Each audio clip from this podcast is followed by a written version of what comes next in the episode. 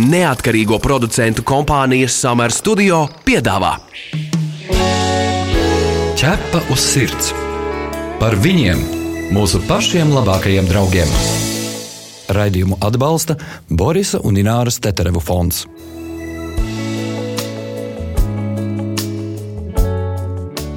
Esiet sveicināti, darbie Latvijas radio pirmā kanāla klausītāji. Ar jums atkal katru pirmdienas vakaru kopā raidījums ķepos sirds. Mani sauc Magnus Eriņš. Mani sauc Inese Kreitsberga. Labvakar, labvakar visiem un priecīgas lieldienas. Tā laikam jāsaka vēl, vai ne? Taisnība. Svinības daudziem nu, nav nekādas svinības bez kārtīgas, kārtīgas pieešanās. Un jā, tas attiecas arī uz mūsu mīluļiem. Jā, jau senāk, jau man liekas, tāda ceturtā oficiālā diena, kad visi var tur baudīt to svētku labumu, soliņas, rosoliņš, pīrādziņi, lauku labumi, kas nu kuram ir ķešā. Ines, bet ko tu dod no sava svētku galda saviem mīluļiem? Es nedodu neko, jo mani kaķi nekad nav mācīti neko es no galda. Nu, viņi neatpazīst nekādas svešas lietas lietas. Un mēs varam arī to rekomendēt ikvienam jaunajam uh, saimniekam. Neko lūdzu nedodiet no sava ēdiena savam mājdzīvniekam. Kāpēc? Ko mēs kļūdāmies un ko mēs bieži darām nepareizi visu šī sakarā. Šodien par to mēs runāsim ar veterinārārsti Daigu Bokvaldi. Esiet sveicināti, Daiga! Labdien, labvakar! Nu, jā, nu tad uzreiz ir jautājums, nu, kā tu vērtē to, vai tiešām tā mīlestība nu, cilvēkiem iet cauri vēderu, ja, un viņi to izrāda arī saviem mājdzīvniekiem, ne tikai saviem ģimenes locekļiem. Jā, nu tas pilnīgi no, viennozīmīgi tā ir, jo nu, ēšana ir tāda būtiska mūsu dzīves sastāvdaļa, un tā ir viena no baudām. Mums ar vien vairāk ir tādu saimnieku, kam patīk lutināt savus dzīvniekus, un viens no lutināšanas veidiem ir šī barošana. Un, teikšu tā, ka saimnieki kļūst ar vien izglītotāki un ar vien vairāk viņi tomēr domā, ko var dot un ko nevar dot. Un, un ar tiem saimniekiem arī pamatā nav ļoti lielas problēmas, jo viņi tomēr izvērtē. Bet lielākās problēmas ir ar tiem saimniekiem, kuri absolūti nedomā, ko viņi dod, vai arī ar tiem dzīvniekiem, kuri ļoti virtuozi zog nu, tad ir tiešām nu, ir milzīgi pārsteigumi. Ir izēstas uh, atkritumu spaiņi ar kauliem pēc šašliku cepšanas vai vistas ēšanas, ir uzkāpts uz galda un noēstas viesta paciņa. Nu, visādi brīnumi notiek. Pie kam interesanti ir tas, ka uh, nu, tas vairāk jau, protams, ir par suņiem. Jo kaķi pamatā apēd mantiņas, ar kurām spēlējās. Tad viņi var ēst arī virtuves dvieļus, trauku švammes, nu, tādas lietas, kurām vienkārši ir ēdiena kaut kāda smarža nu, pat ne garš, bet tikai smārža. Līdz ar to nu, saimniekiem ir stingri jāsako līdzi, ja jums mājās ir ēdelīgs suns, ko viņš var apēst. Taiga, saka man tā, cik bīstamas suņu un kaķu vēderiem ir, ir lieldienas, nu, ko viņi, ko viņi dabū visvairāk. Pārāk daudz olu mēs sadodam viņiem, varbūt tiek pie čaumalām vai, nu, principā, pie visas pēc kārtas. Kopumā par kaķiem es varētu teikt, ka viņiem lieldienas nav bīstamas nemaz. Viņiem ir bīstami tikai Ziemassvētki dēļ tiem eņģeļu matiem un visām tām bārdām, ko kā reglītēs, jo viņi vienkārši spēlējoties to sēdās.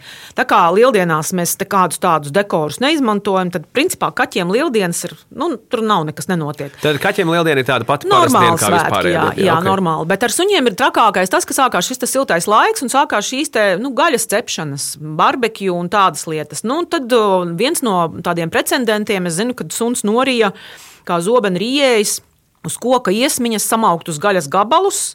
Es tikai neatceros, vai viņi jau bija apcepti, vai viņi bija jēli, bet viņš bija kā rīstā ar visu to iesmiņu kopā. Nu, tad, kā, nu, jūs apmēram jā, iedomājaties. Jā, jā, jā. Un, nu, un tad šī situācija ir tāda, nu, to gaļu viņš it kā var sagramot, bet kas notiks ar to iesmiņu? Jā? Vai griezt uzreiz vaļā, vai gaidīt? Jā, nu, tāda arī, arī vemšanu mēs nevaram iedru, ierosināt. Kas notika jo... ar šo sunu? Ziniet, es nezinu, kā tur beidzās, jo katrā gadījumā viņš toreiz zvanīja mums. Mēs teicām, lai viņš griežās klīnikā, un tad man tālāk tā informācija pazuda. Bet nu, tas tāds precedents, kad suns, nu, viņam to neviens nedēva. Viņš pats izlēma, ka viņam tas varētu garšot. Ķepa uz sirds jautā ekspertam. Kas ir tas trakākais, ko cilvēki varbūt nu, neapzinoties, ne jau speciāli viņi grib nodarīt ļaunu un pārbaro? Kas ir tas lielākais ļaunums? Nu, tas pīrādziņš vai tas speķis iekšā, vai, vai drīzāk kāds auglis? Kas ir tas, varbūt, kur cilvēki neapzinoties nodara tam sunim nu, to ļaunumu? tas rausmīgi garš saraksts būs. Nu, patiesībā ir tā, ka nu, ir kaut kādas lietas, ko nedrīkst dot vispār. Tur šokolāde, nu, vīnogas, rozīnes, visi žāvēti augļi, rieksti, avokado, alkohols. Nu, tur ir vesels saraksts. Tas ir tāds. Bet, um, tā lielākā problēma, nu, piemēram, atkal viens tāds gadījums ir kaut kāda svētki mājās, tiek cepta torte. tortē tiek taisīts kaut kāds krems, un to bļodu iedod izlaidīt sunim. Konkrēti rezultātā ir. Tas suns nav ne pārbarots, tā ir normāla ģimene. Viņi ļoti rūpējas par saviem suņiem. Bet nu, ir kaut kāds gājiens, ka pēkšņi iedomā, ka ir jāiedod sunim izlaizīt šo bļodu ar, ar krēmu, tortes krēmu.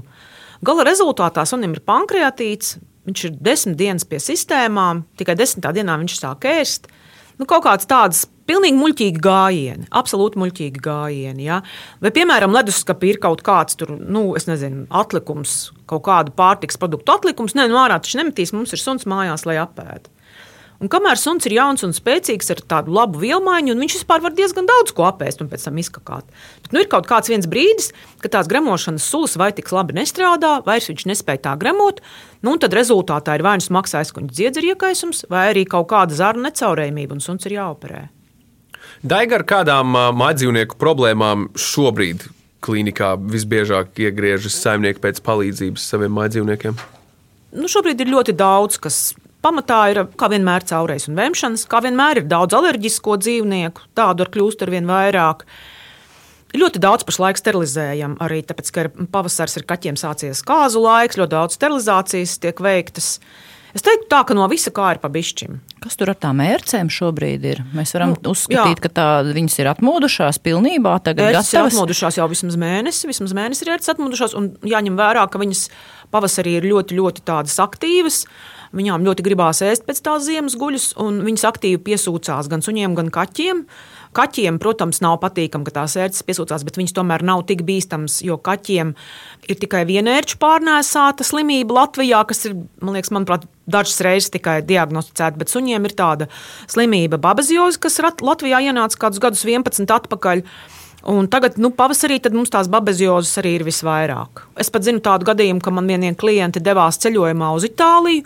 Un es pieņemu, ka viņi to babiziozu dabūja pa ceļam Polijā, un tad viņi nonāca Itālijā. Tur doktors kaut kādas divas dienas pat nesaprata, kas ir, jo viņiem vispār nav šīs babiziozes.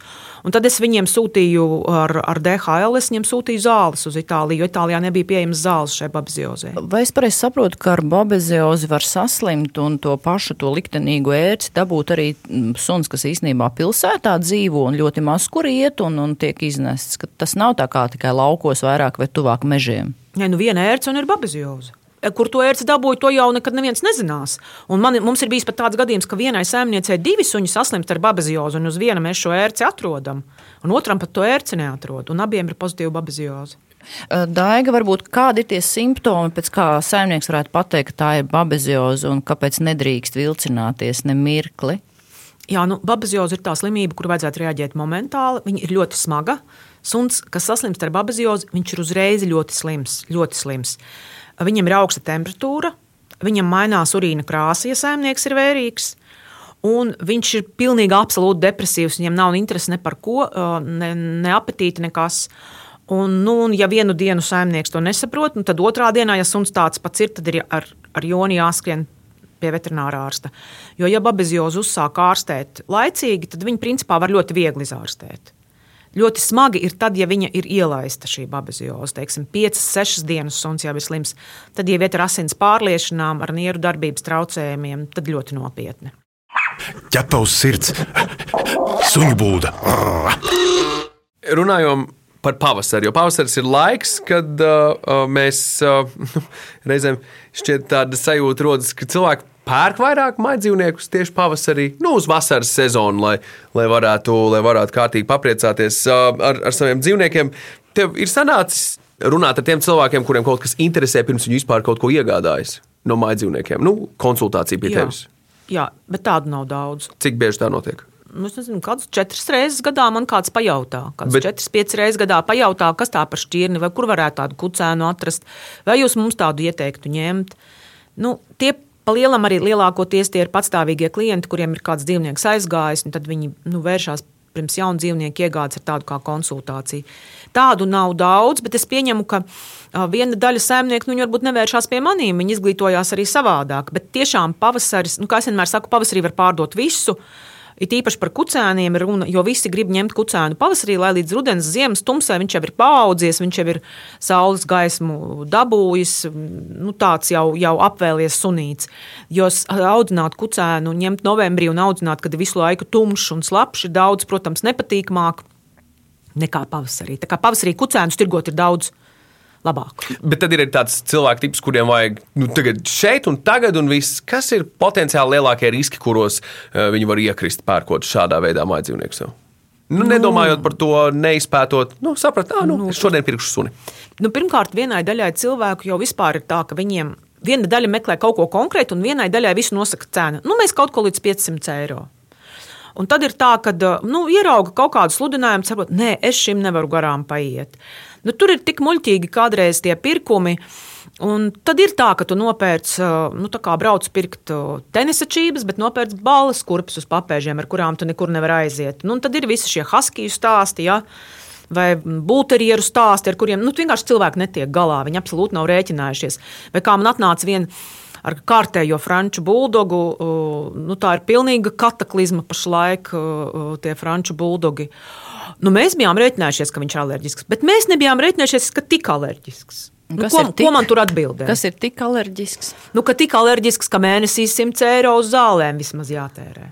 Viņi teica, ka viņi ir rēķinājušies, ka viņš ir tik alerģisks. Tas nozīmē, ka cilvēki jau prezumē to, ka, ja viņi pērk pie nelegāla pavairotāja, nu, tad šī būs lieta, kas nāks līdzi. Kāpēc viņi vispār tā dara? Kas ir viņu motivācija? Tas, ka tad lētāk var dabūt? Jā, tad šiem cilvēkiem pamatā lielākoties tā ir cena. Nu, tas tāpat kā, nu, teiksim, nu, kurpes, kad tu pērci. Nu, kā, nu, labs brands, un tagad ir atlaides, un tu nopērci nu, to pašu, kas tur bija 100, tagad tu vari nopirkt viņu, piemēram, par 60. Nu, tā ir starpība. Nu, viņiem liekas, ka ar to dzīvnieku ir līdzīgi. Bet ir jau arī tā, ka ir konkrētas suņu šķirnes, un atkal tie paši nelaimīgie franču buldogi, kur pat ļoti dārgi pērkot, tu nevari garantēt, ka tur nebūs veselības problēmas. Un, uh, cilvēkam, nu, tāds, kurš regulāri nenāk uz veterinārijām klīnikām un kurš nezina, kādas ir zāļu cenas, nu, viņš asociē tā, kā viņš aizgāja pie ģimenes ārsta, tur samaksāja to, nu, to pacienta nodevu. Dakteris viņam uzrakstīja zāles, kuras daļēji valsts subsidē, un viss ir kārtībā. Bet ar suņiem jau tā nebūs. Ar suņiem jau tā nebūs. Nebūs tik vienkārši. Nu, tad ir šie stāsti, kur ir 100, 200 eiro mēnesī ir uzturēšana 10 kg sunim, jo viņam vajag ļoti speciālu pārtiku, viņam vajag zāles, viņam vajag regulāras ārsta vizītes. Nu, Labi, nu, tas alerģija, kā... alerģija viens no nu, tādām sekām, ko tu ieraugi mm, savā kabinetā, kad cilvēks nopirks kucēnu vai kaķēnu. Kas vēl? Varbūt mugurkaula problēmas, locītavas? Nu, redziet, redziet, tas ir tā, kura klīnika kamā specializējās. Ir, protams, milzīgas problēmas ar locītavām, bet mums nav ortopēdijas pacienti, jo mums neviens ar to nestrādā. Nu, tur ir savi doktori, kas strādā ar šīm te. Nē, nu, tu vienkārši redzi, jā, pie kā nu, varbūt nosūtīt. Jā, jā. Es teiktu tā, ka uh, dotā brīdī lielākās problēmas, tas, ko es redzu, ir tieši šīs alerģijas, un otrā lieta, tad, kas aiz tā nāk, ir visas šīs locītā un mugurkaula problēmas, kas arī daļēji ģenētiski jau dodas līdzi. Ja? Tad ir kaut kāds nišs ar sirds problēmu, bet tās, tās nu, nav tik bieži. Un tad vēl ir visi šie stāsti par apēstiem cimdiem, kur neviens, protams, to nerēķinājās, ka tā var notikt, vai apēstām zeķēm. Vai izdemolētām kaut kādām mājām, apēstiem divāniem. Nu, tur visādi, visādas lietas notiek. Nu, redz, ir saimnieki, kuriem ir mājas dzīvnieki ar defektiem, sauksim tos tā. Vai tu vari atsaukt atmiņā, piemēram, pēdējo reizi, kad tu satiki kādu no, no šiem saimniekiem ar šo suni vai kaķi, cik ilgi viņi izdzīvo, cik ilgi viņi nodzīvo pie cilvēka, un vai cilvēki dara visu iespējamo, lai varētu ar šo dzīvnieku pavadīt pēc iespējas kopā ilgāku laiku? Ne, nu atkal teiksim tā, ka pie maniem jau nonāk tie, kas meklē šo risinājumu. Es jau to daļu neredzu, kas viņu nemeklē. Ja? Es vienkārši redzu suņus, kur man atnāk un saka, nu mēs jau esam trešie saimnieki, franču buldogam vai ceturtie saimnieki, nu vai kaut kādām citām šķirnēm arī. Un, protams, ka, nu, ja viņi ir paņēmuši, viņi velk to nastu. Un velk to nastu, nu, tas atkal atkarīgs, cik tas suns, cik viņam ir daudz šo problēmu. Bet ir man gadījumi, protams, ka nodzīvo arī tos 12 gadus un 13 gadus ar visām tām problēmām. Nu, tikai jautājums, cik tam visam ir vajadzīga nauda? Un cik enerģijas un cik daudz tā prieka pazūd, jo tāpēc, tev ir nemitīgi jārisina kaut kādas problēmas. Nē, nē, dzīvo cilvēki tiešām cīnās un tiešām rūpējas par šiem dzīvniekiem. Un, un es, protams, cenšos vienmēr uh, meklēt kaut kādā variantā lētāko variantu, kā uzturēt, jo tāpēc, saprotu, ka nu, katru mēnesi tērēt 100, 120, 150 eiro sunim, nu, tas nav vienkārši. Atgādinām, ka pie mums studijā šodien ir veterinārā ārste Daiga Bokvalde, un mēs runājam par mūsu mīluļu veselību pavasarī. Protams, šo radio pārraidi varat dzirdēt arī populārākajos straumēšanas servisos podkāstu formā, kā arī Latvijas radio mājaslapā, arhīvas sadaļā. Ķerpa uz sirds, diskutē. Tātad par tām alerģijām. Minēja arī sirds problēmas, mugurkaula problēmas, bet vai ir tomēr tādas suņu šķirnes, kuras ir, vai kaķu šķirnes, nu, kurām vairāk tas ir šīs problēmas raksturīgas?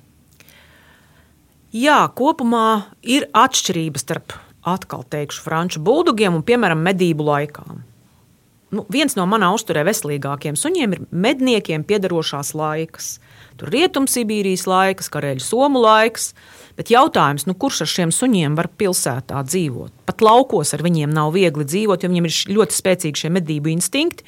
Un, ja šis suns netiek nodarbināts un netiek pieskatīts, tad viņš faktiski klejos pa mežiem nemitīgi. Nu, kā, nu, te ir, ko mēs katrs meklējam. Jā, protams, ka mēs gribam pilsētā nelielu suni līdz 15 kg, ar labu, stabilu temperamentu, ar fifīgu izskatu. Tā, lai, nu, tur tik daudz, un tad galā nu, ir šie King Charles spanieļi, kas visiem ārkārtīgi patīk, bet ir ļoti sarežģīti savā veselībā.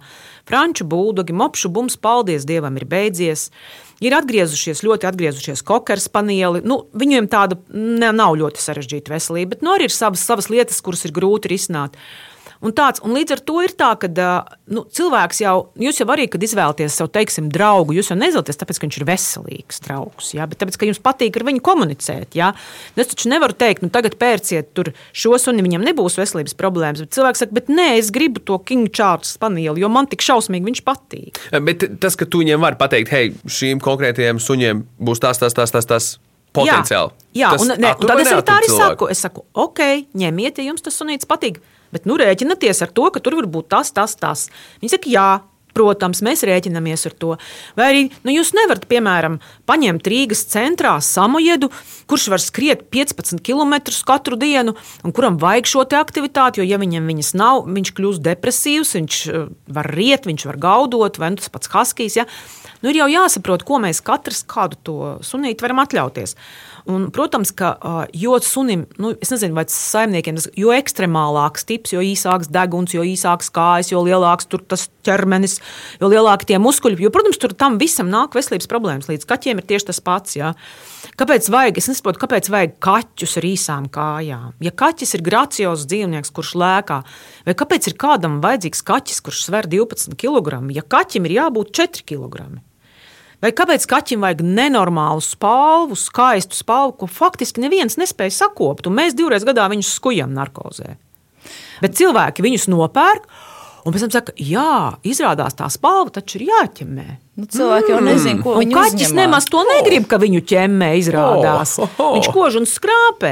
Doktor, bet tad jautājums tāds, vai mēs spējam kaut ko noskaidrot par kucēna vai kaķēna veselības stāvokli pirms mēs pērkam? Nu, vai, piemēram, te, pie tevis ir nākuši kāds ar šo dzīvnieku, pirms viņ, viņš ir to nopircis? Varbūt, varbūt kāds padoms, ko var pajautāt, kaut kādas ģenētiskās analīzes vai citas analīzes. Nu, tā kā apmēram auto aizved uz kādu servisu pirms pirkšanas. Nu, vienkārši diagnostiku veids. Jebkura dzīvnieka iegāde, es atvainojos, ir loterija. Tomēr. Jā, bet viena lieta ir, kad jūs glābjat kaķi no ielas vai ņemat suni no patvērsmes, kurš arī ir izglābts no kaut kādiem dzīves apstākļiem, un jums komplektā nāk līdzi problēmas. Tā ir viena lieta. Viena lieta ir, kad jūs pērkat par 2000 eiro dzīvnieku, kuram ir glauni ciltsraksti, kurš nāk no kaut kāda superklutras audzētavas, un te jau būtu jābūt, tad ir jābūt pirkšanas pārdošanas līgumam, kurā tomēr ir atrunāts, kurā tomēr ir kaut kādas nu, garantijas, ja tā var teikt. Nu, piemēram, es saku, nu, ja jūs braucat pirkt suni, jums jābūt šai starptautiskai pasē, ir jābūt šim čipam, ir jābūt potei, ir jābūt pirkšanas pārdošanas līgumam, ir jābūt vecākiem, kuriem ir veiktas veselības pārbaudes, jums ir jāvar ieiet šajā vietā, kur tirgo šos kucēnus, redzēt, kur viņi aug. Normāli redzēt mammu, kad ar jums runā, un jums ir normāla komunikācija. Un, ja jums pretī ir audzētājs, kurš vēl izvērtē, vai viņš jums pārdos bērnes ganu sunu 4. stāvā vai nepārdos, tad jau tur daudz maz tā situācija ir stabila. Bet, ja jūs pērkat suni tikai tāpēc, ka viņš ir kā pašlaik pūdeļi, nenormāli populārs, un tāpēc viņi maksā 2,5 tūkstoši eiro. Viņus, es nezinu, no kurienes viņus visus ved, bet viņi praktiski neviens nav dzimuši Latvijā. Un jums par šiem 2,5 tūkstoši eiro viņus atdod benzīna tankā vai pie lielveikala stāvvietā. Nu tad pats jūs esat vainīgs. Jā, un pat tiešo tad uzreiz pērkat, jā. dodaties pie Jo, Protams, ir loterija, vairāk vai mazāk. Neviens simtprocentīgi nevar. Nu, daudz maz garants ir tad, ja jūs pērkat pieaugušu suni ar darba pārbaudēm, ar veselības pārbaudēm, bet tādi suņi ir ārkārtīgi dārgi un tādi parasti cilvēki tādus suņus nepērk. Vai ir kaut kāda universāla formula, kā mēs varam samazināt tavu apgrozījumu gadā? Nu, patiesībā ir tā, ka tur arī ir jāskatās, nu, ir tādi dažādi cilvēki. Ja? Nu, ir cilvēki, kuriem ir īpaši tiem, kuriem ir pirmais dzīvnieks un kuri ļoti apzinīgi, viņi no sākuma nevar izvērtēt, kura problēma ir nopietna un kura problēma nav nopietna. Un tad viņi tiešām viņi skrien ar visu, ko izvilkt ērci, skrien. Katru pumpu rādīt, skrien. Nu, tas taču jauki, nevar samazināt viņu. Viņi, nu kā? tas ir viņu tādu, nu, man, man kādreiz pat smiekli nāk, kad viņi atskrien. Ja? Un, tāds, un tad, kad viņi jau tā kā kļūst pieredzējušāki, tad jau viņi saprot, kurā brīdī var atrakstīt vienkārši izziņu, kurā brīdī var ieskriet pēc zālēm, bet kurā brīdī ir tiešām jābrauc ar suni. Un tie veterinārārsti, kas strādā uz patstāvīgo klientūru, viņi lielākoties tā arī strādā. Bet cilvēki jau viņi atkal ir organizēti tā, ir problēma, un tad viņi tagad meklē. Un tad viņi skrien, tad viņi skrien uz to klīniku, viņi skrien uz diennakts klīniku. Diennakts klīnika ir tas pats, kas uzņemšanas nodaļa. Viņi risina tā brīža problēmu. Tālāk jūs ārstē stabili kāds ārsts. Bet, ja jūs katru dienu ejat uz uzņemšanas nodaļu, tad jūs katru dienu sniedzat pirmo palīdzību. Un tāpēc, ja jūs gribat, lai jūs eh, kāds domā līdzi jūsu suņu problēmām, dod jums kaut kādu ievirzi, saka, palasi šo, padomā par to, painteresējies par to, nu tad ir jāmeklē šis patstāvīgais vetārsts. Ja jūs gribat tikai visu laiku dzēst ugunsgrēku, nu tad jūs braucat uz to klīniku, kas tajā brīdī ir vaļā. Un tad viņi arī jums palīdz. Jo nu, neviens vetārsts nu, nevar mūžīgi strādāt 24 stundas diennaktī. No sākuma jaunībā daudz ko var, pēc tam vairs nevar. Un viņš nevar at atrisināt visas, absolūti visas jūsu suņu problēmas. Un es saviem klientiem esmu stingri pieteicis, ja jums kaut kas notiek ārpus darba laika, jūs braucat uz to klīniku, un pēc tam jūs griežaties atpakaļ pie manis. Un tas mums viss ir izrunāts ar patstāvīgiem klientiem. Nu, tie, tomēr arī tiem, kam ir tas ārsts savējais, nu, ko tu ieteiktu, piemēram, analīzes, urīna, asins reizi gadā, kāds tas monitorings varētu būt Nu, ieteicams? jaunam veselam dzīvniekam es noteikti neteiktu, ka jātaisa urīna vai asins analīzes katru gadu. Nē, jaunam nē. Nu, ir kaut kāds vecums, no kura var būt, bet arī tad atkal ir tādi, nu, ir pacienti, vairāk klienti, atkal, kuri vairāk ļoti viņi sev katru gadu nodod. Viņi arī sunim grib katru gadu nodot. Ir tādi, kur saka, ah, nu, nē, mums jau viss kārtībā. Nu, tur mazliet ir tā, tas dialogs ir jāveido. Bet, jebkurā gadījumā, ja jums būs savs doktors, tad jums acīm redzami ar viņu ir labs kontakts. Jo nav jau tā, ka mēs neviens neizdarām kļūdas. Visi, visi, absolūti visi ārsti kļūdās, gan vetārsti, gan cilvēku ārsti. Bet, ja ir šis kontakts un mēs komunicējam un izrunājam šīs problēmas, tad, tad mēs sadarām kopā. Un, ja mēs sadarām kopā, tad ir šī te, nu, Varbūt vajag to izdarīt. Pie vakcinācijas vajag ausīs paskatīties. Es zinu, ka tas ir franču būduks, vajag apskatīties arī ķepas, vai tur jau nav kaut kas. Nu, kaut kāda šāda komunikācija. Viņi, viņi veidojās doktoram ar klientu, kaut kā sajūtot, ko viens no otra gribies, tā es varētu teikt. Tēma, par ko esam runājuši jau vairāk kārt, mūsu radio pārēdē uz sirds. Arī tu neizsprūksi no šī jautājuma. Katram šķiet, vai saimniekam ir jāspēj sniegt savam kaķim vai sunim pirmā palīdzību, un kāda tā varētu būt? Es domāju, ka jā, kad ir jāvar sniegt, nu, pa lielam ir trīs, nu, es tā uzreiz trīs lietas. Viena briesmīga lieta ir aizrīšanās. Tā ir visbriesmīgākā lieta, jo aizrīšanās situācijā jums ir apmēram nu, trīs minūtes, varbūt pat ne tik daudz. Ja suns aizrijās vai kaķis aizrijās, respektīvi, ja viņam iesprūst uh, kaut kas tur, kur krustojās elpceļi un rīšanas, gremošanas ceļi, viņš nosmūk momentāli. Un šīs ir tās situācijas, kad faktiski nu, tur, ir, tur jātiek galā pašam. Jums ir dabūt to svešķermeni ārā, vai nu izkratīt, vai izvilkt, vai taisot heimlika paņēmienu. Nu, tur ir vairāk variantu. Arī heimlika, suņiem, lieliem suņiem, vispār suņiem var taisīt heimliku. Es esmu redzējis arī Kas tas tādu. ir uzreiz pasakam? Heimlika, nu, to nevar izstāstīt gan Tad tas ir Heimlicha paņēmiens. To, rāda paņēmiens. filmās, ja, Vispār es teiktu tā, ka, ja, ja tiešām klausās nopietni saimnieki, var YouTube ļoti daudz ko atrast YouTube, iegūlējot, iegūlēt, bet ieliekot tos vārdus, kā izdabūt svešķermeni, kā veikt um, sirds masāžu. Nu, tur var ļoti daudz labus pamācošus video redzēt. Nu, respektīvi, tad, tad viena no situācijām ļoti reāla. Ir aizrīšanās, tur neko nevar pazvanīt, neko nevar nokonsultēt, tur pašai jātiek galā pašam. Es esmu redzējusi saimnieku, kuram ir roka sakota līdz elkoņiem, jo viņš ir vācu acu un vilcis bumbiņu no rīklas ārā. Bet izvilka. Izvilkt, jā. Tātad, tā ir viena lieta. Otra lieta ir tāda, ka ir jāmāk, tas nav par kaķiem, tas ir par suņiem, izsaukt savam sunim vemšanu. Jo suņi mēdz ēst žurku indes, tabletes visādas. Viņi mēdz, ap, nu, visu, visu kaut ko mēdz ēst. Respektīvi, bet ar vēmšanu ir tā labā ziņa, ka nu, jums tur ir laiks apmēram pusstunda, stunda, un tad jūs varat aizbraukt arī līdz klīnikai, ja jūs saprotat, ka jūs netiekat to, to situāciju galā. Patiesībā sunim vēmšanu ierosināt mājas apstākļos ir ļoti vienkārši. Dodot ūdeņraža pārskābi, Visiem suņu saimniekiem es iesaku mājās turēt neattaisītu ūdeņraža pārskābi. Kāpēc neattaisītu? Tāpēc, ka attaisīta mazliet garo un viņai procenti palielinās. Viņa var kairināt, apdedzināt ļoti. Un viņu dod viens mililitrs uz kilogramu. Viņai nav īpaši nekādas garšas, lai mutē. Ja apmēram trīs minūšu laikā suns nesāk vēmt, tad vēl vienu tādu pašu porciju. Un pie otrās porcijas gandrīz visi vēmji. Otrs variants, ar ko var izraisīt vēmšanu, ir vārāmā sāls. Parastā sāls, kas tad kļūst par deficītu. Taisam sāls putru un liekam viņu mutē. To ir grūtāk, jo tas sāls ir šausmīgi negaršīgs, viņi pretojās, bet arī diezgan labi vēmji. Tātad tā ir otra lieta, ko jums vajadzētu zināt, un trešā lieta ir, kā apturēt asiņošanu. Atkal pamatā tas ir suņiem, pamatā tas ir lielajiem sportiskajiem suņiem, kad jūs aiziet uz mežu. Un viņš pa to mežu tā kā nu, neskrien, bet viņš tā kā lido ar 30 kg. Tad, ja viņš uz kaut kāda asa priekšmeta, tad viņš var pārgriezt kāju galos tās vēnes, un tad tur diezgan nesmuki gāžās asins. Un tad ir jāmāk uzlikt spiedošais pārsējs. Nu, to es nevarēšu izstāstīt, kā uzlikt spiedošo pārsēju. Nu, arī nagus aizlauž bieži. Nu, bet no suņi. tā, tas nav tik bīstami. Bet, ja ir, ja ir vēja pārgriezta, tad tur gāžās asins, tur saimnieks jau gandrīz ģībst pats. Suns histēriski tās asins laiza, tur pat vemj. Tas skats ir diezgan briesmīgs. Nu, jāiemācās pārsiet brūces stipri. Spiedošo Ar pārsēju. spiedošo pārsēju. Jā. Jā. Jā. Par kaķiem? Kaķiem pamatā ir ā, tikai aizrīšanās, es tā varētu iedomāties uzreiz. Nu, tur mēdz, tur tie makšķeru āķi mēdz iedurties, bet tas tāpat viss tiek klī- klīnikā risināts.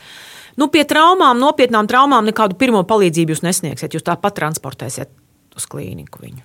Bet, ja kaķis aizrijās viņu ko kratītais kājām, Nu, visdrīzāk, ka jā. Tāpēc, ka, protams, var mēģināt tad, brīdī, kad viņš jau tādā kā bezsamaņā vērt muti vaļā, un, jo cilvēki viņš vienkārši kož.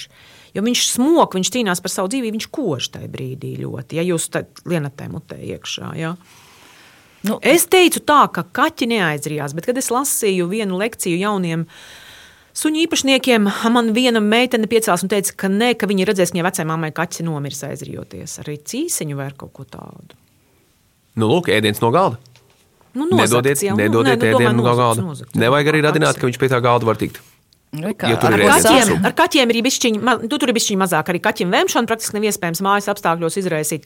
Bet ar suni jā, tad, tad aizrīšanās, spiedošais pārsējs un, un kā izraisīt vēmšanu. Tās ir trīs lietas, kas būtu suņu īpašniekam jāzina. Nu, kā, sākām par ēšanu un beidzām par sekām no ēšanas. Ja? Tā var teikt, tā var teikt. Daiga, paldies, mīļš, ka varēji šajā dienā būt pie mums šeit, raidījumā ķepa uz sirds un izstāstīt visu svarīgo, kas mums šoreiz interesēja. Jā, paldies jums par uzaicinājumu. Tu esi mans draugs, ķepa uz sirds.